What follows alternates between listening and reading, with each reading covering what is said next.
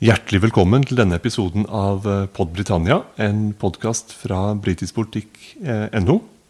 Jeg heter Øyvind Brattberg, og her ved min side har jeg Kristin Haugevik, seniorforsker ved NUPI. Og vi skal ta for oss det spesielle forholdet. We shall never surrender. The pride in who we are is not a part of our past. It defines our present and our future. The people of Scotland have spoken. England, Scotland, Wales, Northern Ireland together, taking us forward, unleashing the potential of the whole country.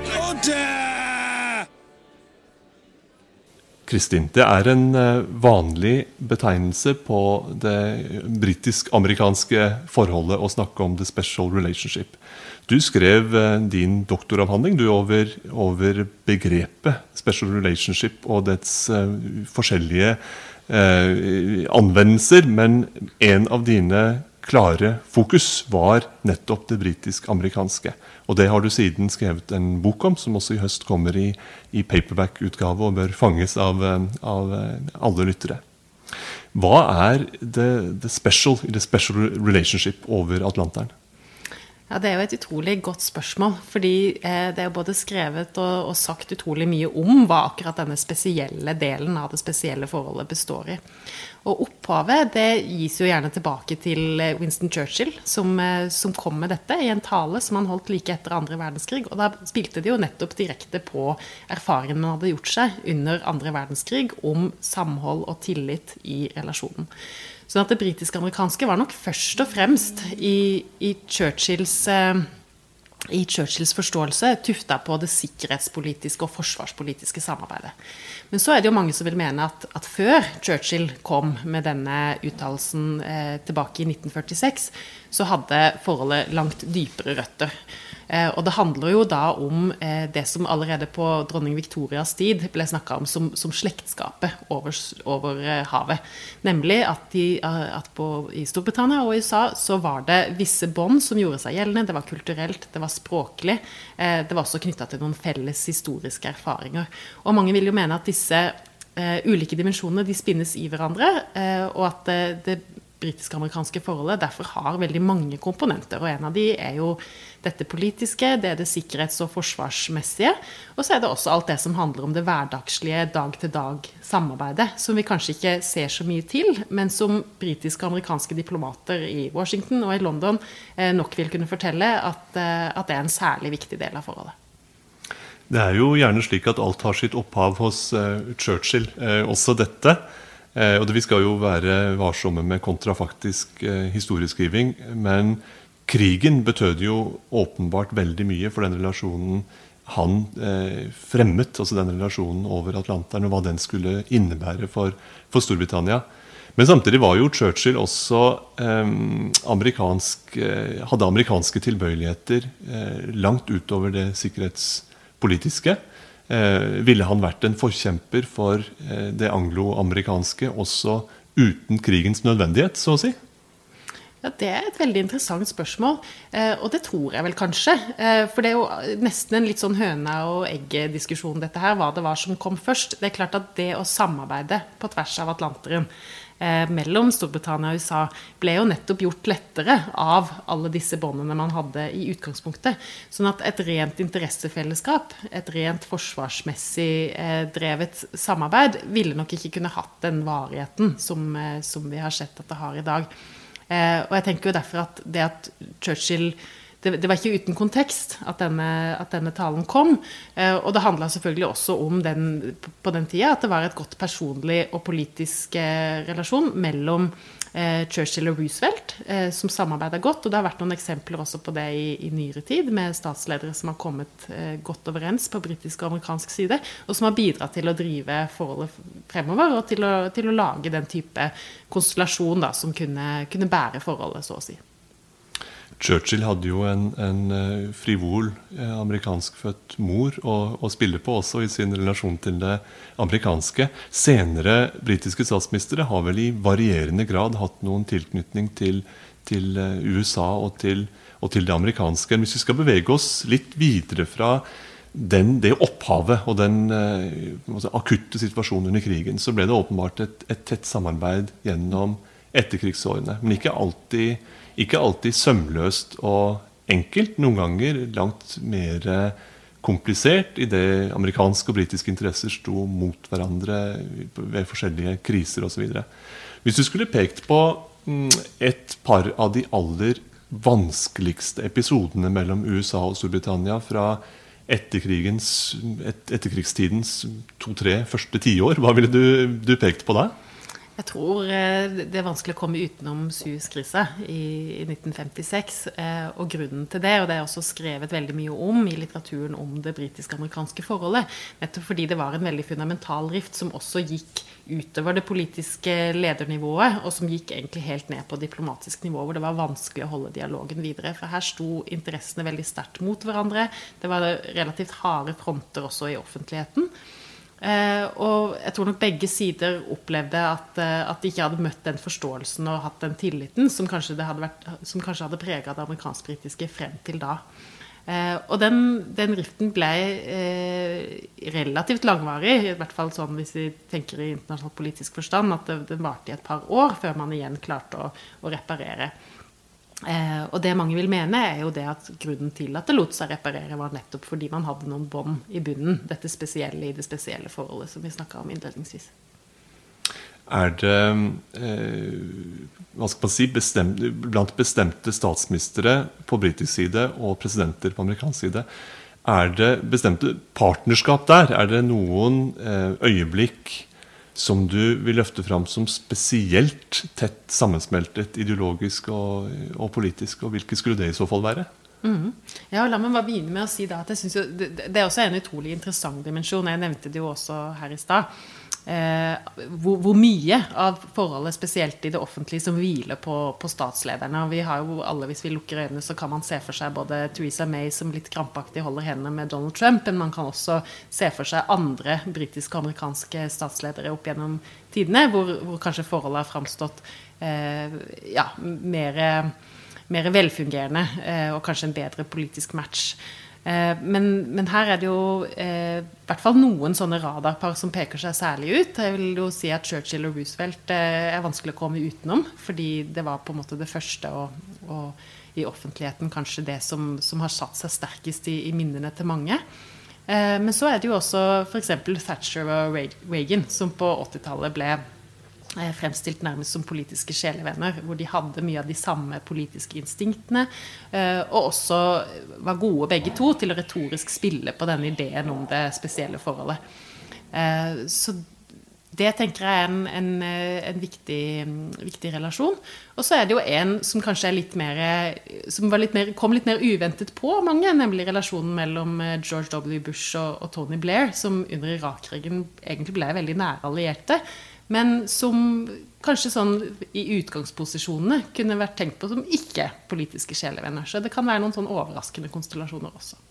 Om det sistnevnte forholdet det mellom Blair og Bush, så skrev du i sin tid en tekst som het eh, 'Puddelpolitikk i praksis', hvis jeg husker, husker rett.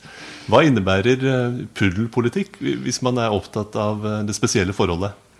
Ja, det er veldig interessant. Eh, og du nevnte jo min, eh, min doktoravhandling fra noen år tilbake. Eh, og det jeg fant der, i, i doktoravhandlingen, ved å, å, studere altså, egentlig diskursen på britisk side, da, den, den innenrikspolitiske fremstillingen av USA i ulike sammenhenger, så er det sånn at man har hatt en ganske dominant eh, diskurs, en dominant representasjon, som handler om eh, at Storbritannia og USA er veldig nære allierte. De har et gjensidig nytte av dette forholdet. Og den har på en måte vært en bærende kraft i, på britisk side.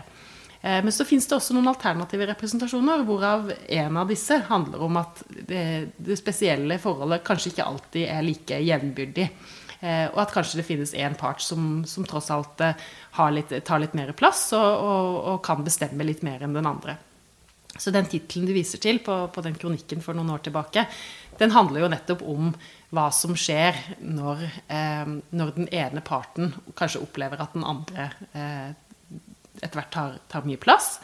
Eh, og hvor det da blir disse anklagene som det ble på britisk side, om at Tony Blair var, eh, var blitt vikla inn i det man kalte puddelpolitikk. Eh, sånn at, det at USA satte premissene, mens Storbritannia egentlig bare fulgte med.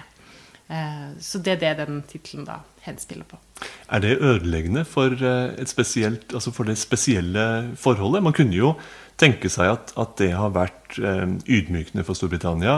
At man har startet fra en form for jevnbyrdighet i den annen verdenskrigssituasjonen. Mm. Og så har eh, historien om Storbritannia etter 1945 handlet om en utforbakke som man har forsøkt å, å, å håndtere som best man kan. og at og at underlegenheten overfor, nei, overfor, USA har vært en bekreftelse på at man er en, en nedadgående stormakt fordi man til stadighet må underordne seg det amerikanske. Er det en vanlig forståelse i, i Storbritannia? Det er i hvert fall et premiss her som, som, ligger i nettopp ideen om det spesielle forholdet. Så ligger det jo et premiss eh, fra britisk side med at det, betyr, det innebærer denne spesiellheten, om vi skal kalle det det. Eh, innebærer jo at man på en eller annen måte har større gehør, at man har bedre innpass enn en del andre stater. Så selve den ideen om at det spesielle forholdet også er noe hvor Storbritannia får noe, hvor de får innflytelse, hvor de får eh, muligheten til å forme verdenspolitikken på en måte som man ellers ikke ville fått, og at, at også båndet på en måte har en merverdi eh, på britisk side. Så jeg tenker at det, det, premisset er på en måte viktig eh, for å, å, ivareta ideen om det spesielle forholdet videre.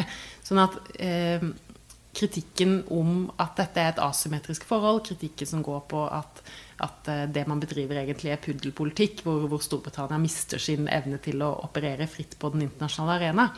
Eh, hvis det premisset kommer i spill, så er det klart at det kan være skadelig for oppslutningen om det spesielle forholdet, om du vil. Kan du si litt mer om hvordan man reproduserer et sånt, og opprettholder et sånt forhold over tid? Hvor, hvor befestet er det i institusjoner, eller hvordan det, sitter det fast i bestemte talemåter? Det virker jo nærmest som en besvergelse, og spesielt når man skifter politisk lederskap, enten på den ene eller andre siden av Atlanteren, så gjøres det ofte et poeng ut av å bekrefte at det spesielle forholdet står, står ved lag. Hvordan, hva slags mekanismer er det som driver, driver det? Ja, det, det, var også noe som jeg faktisk så litt på da jeg skrev min doktoravhandling. Det var både hvilke ritualer, som egentlig er det du er inne på. Det fins noen ritualer man må gjennom for å på en måte bevare denne ideen om det spesielle i det offentlige. Eh, og et av de ritualene handler nettopp om at når britiske og amerikanske ledere har kommet sammen på på et podium, på en pressekonferanse eller på en talerstol, så har det vært veldig vanlig at de begge to har, har starta kanskje med noen innledende ord om hvor spesielt dette spesielle forholdet fortsatt er. Det har vært en sånn rituell eh, øvelse. Faktisk i den grad at, eh, at, dersom noen har glemt å gjøre dette, eller utelatt å gjøre dette, så har det blitt stilt spørsmål i media om hvorvidt forholdet faktisk fortsatt er spesielt. Eh, og det kanskje beste eksempelet er da Bill Clinton eh, måtte påminnes av av sin stab om at dette var viktig å gjøre da han skulle møte John Major. Og, og Bill Clinton, som da ifølge eh, anekdotene ikke hadde huska på dette, han begynte å le og sa ja, ja, jeg skal vel passe på å si noe om det spesielle forholdet. Og det gjorde han til gangs, hvis vi ser på, på utskriftene fra, fra, den pressekonferansen. Sånn at det fins noen sånne ritualer. Et annet type ritualer har handla om hvor raskt eh, britiske og amerikanske ledere besøker hverandre etter at man har fått en ny politisk ledelse i et av landene. Og det går jo litt på den dimensjonen som du nevnte, altså viktigheten av å videreføre og ivareta, eh, uavhengig av hvem det er som sitter med, med lederskapet eh, til, til, enhver tid. Så, så, det er gode eksempler. Andre eksempler kan handle om eh, hvilke gaver man gir, og hvordan det, det omtales. Eh, her er det også mange fine anekdoter å, å nevne. Uh, og så er det kanskje det mer underforståtte og underkommuniserte, det som handler om uh, de tingene jeg nevnte i stad, som, som, er det som foregår bak scenen. Det som foregår egentlig utenfor medias søkelys, men som handler om det enkelte møtet, den enkelte telefonsamtale på, på mer sånn operativt, diplomatisk nivå. Og som er veldig spennende, syns jeg, da. Er det nødvendigvis ekskluderende overfor andre parter i det internasjonale samfunn, om du vil? Er det sånn at, at uh, et spesielt forhold handler om å, å verne om sin spesielle partner i, til, si, slik at det er dette forholdet som, som dyrkes. Jeg tenker f.eks. på hva Churchill skrev om, om eh, de, de, engelsktalende land, historien til de engelsktalende land. Storbritannia og USA er jo åpenbart også en del av et, et, et større enhet bl.a. i etterretningssamarbeid og på andre områder, så er det også andre engelsktalende land som danner en pussig global allianse. Absolutt. Eh, og jeg tror, eh, jeg tror, jo at det er sånn at de aller fleste land vil ha mer enn én en spesiell utvalgt partnerland. Og det vil være, kanskje variere litt fra, fra sammenheng til sammenheng. Og, og, det har jo også blitt spøkefullt sagt om, om USA at, eh, at, USA har veldig mange spesielle partnere. Uh, og, og, jeg tror jo også at en del land, deriblant Norge og, og, andre nordiske land, også vil på en måte ønske å, å, være tidlig på plass i Washington når man har fått en ny president. Man vil ønske å ha en spesiell status. Man vil kanskje ønske å, å, bli, å bli, sett av, uh, av, den som til enhver tid er uh, en av de dominerende maktene i verden. så jeg tror absolutt det er en dimensjon av det. at, at det, det å være spesiell er et relativt eh, begrep, sånn at man er det kanskje i, i, i forhold til andre. Eh, og, og, du nevnte, det, nevnte, den større anglosfæren, hvor, eh, hvor, det også inngår flere land og etterretningssamarbeid og, og andre ting. Eh, også innenfor den, innenfor den, konstellasjonen, som består av, av, i hvert fall fem land, eh, så, så, vil man også ha ønske om å stå i et spesielt forhold til USA, flere, flere av disse landene. Det er en hard kamp om, eh, om, de nære relasjoner. Nå er det ikke til, tilfeldig at vi tar opp dette temaet akkurat denne uken, for vi står på terskelen til det store amerikanske presidentvalget, som mange eh, venter på med, med angst og beven. Det er fire stormfulle år vi har, har bak oss. Hva har eh, Donald Trumps tid som amerikansk president betydd for relasjonen til Storbritannia? Ja, eh, det er jo kanskje et spørsmål vi får enda bedre svar på eh, om, om litt tid. Men jeg tror vi i hvert fall kan si at, at Donald Trump har, har ruska litt opp i noen av de måtene å, å håndtere det britiske-amerikanske forholdet på ut fra, eller sammenligna med hva som har vært vanlig.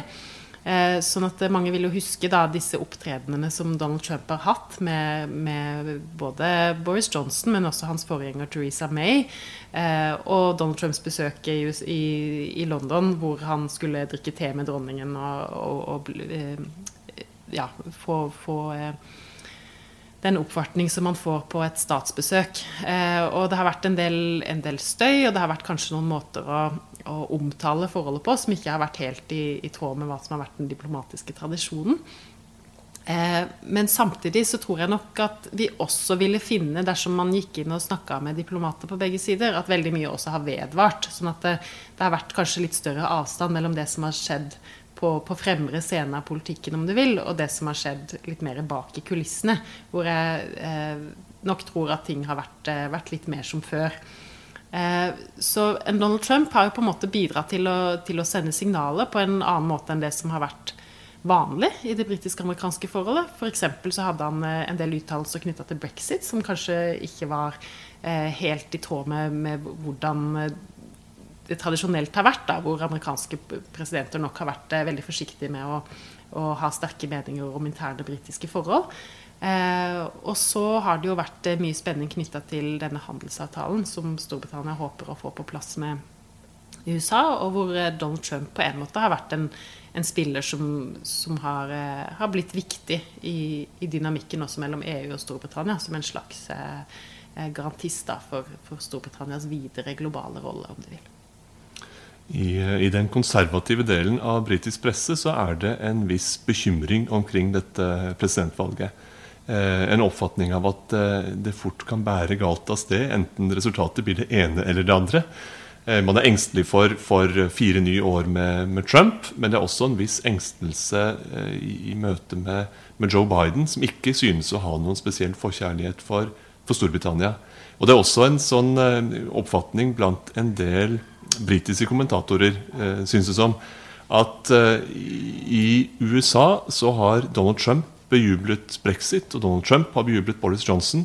Ergo må eh, Joe Biden på et eller annet vis ta avstand fra, fra begge deler. Eh, og ta avstand fra denne, dette populistiske prosjekt som det gjerne er, er eh, framstilt som.